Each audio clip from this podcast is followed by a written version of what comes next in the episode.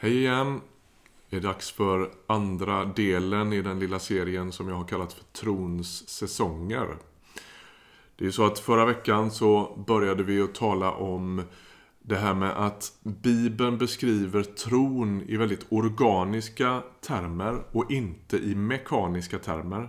Det finns inga knappar man trycker på för att alltid uppnå samma resultat när Bibeln beskriver trons liv. Utan det talas snarare om fröer, vatten, processer, gödsel, ogräs, frukt och skörd och träda och så. Och det är så våra liv beskrivs.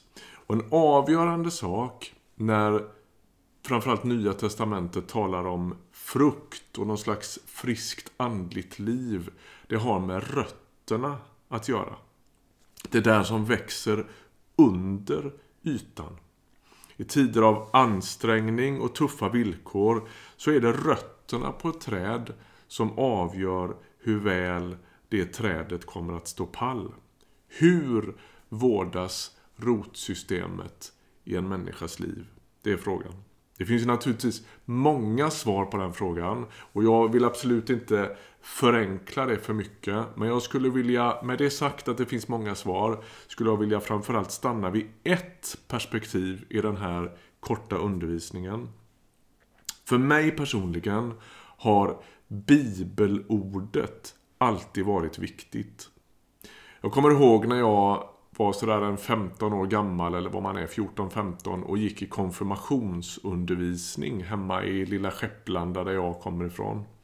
Då fick jag en egen helbibel, alltså både gamla och nya testamentet för första gången i mitt liv. Och jag minns det väldigt tydligt fast det är ganska länge sedan.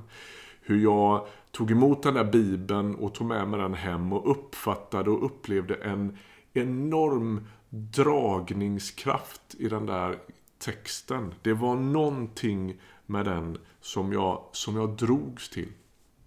Kommer ihåg jag läste i den och inte alltid förstod men hur den utövade en väldig lockelse på mig.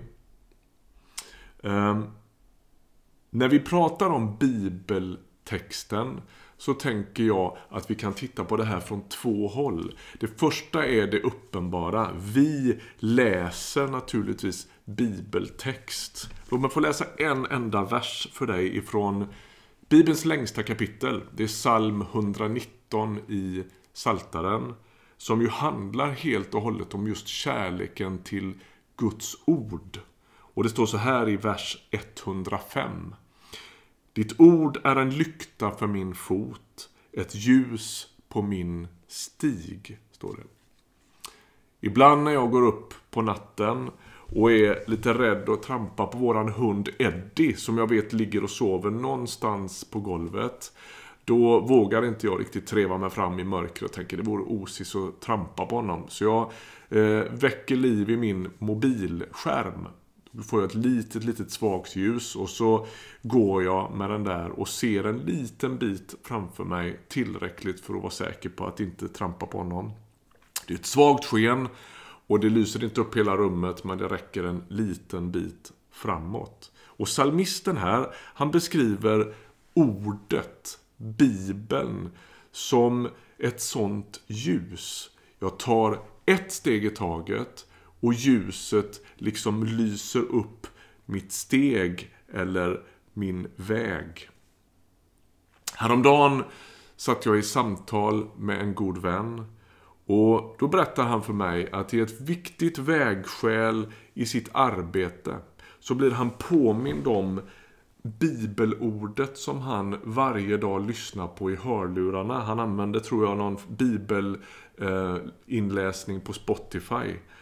Och så fick den där bibeltexten som han hade levt med och som han hade lyssnat till kommunicera in i en vardagssituation som han stod i på sitt jobb.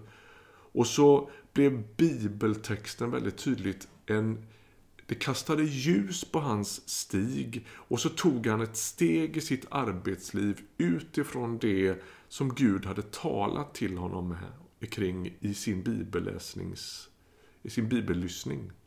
Och det här blir ju liksom det som, som salmisten här beskriver hur ju, som Bibeln funkar ungefär som en lykta som man har i handen.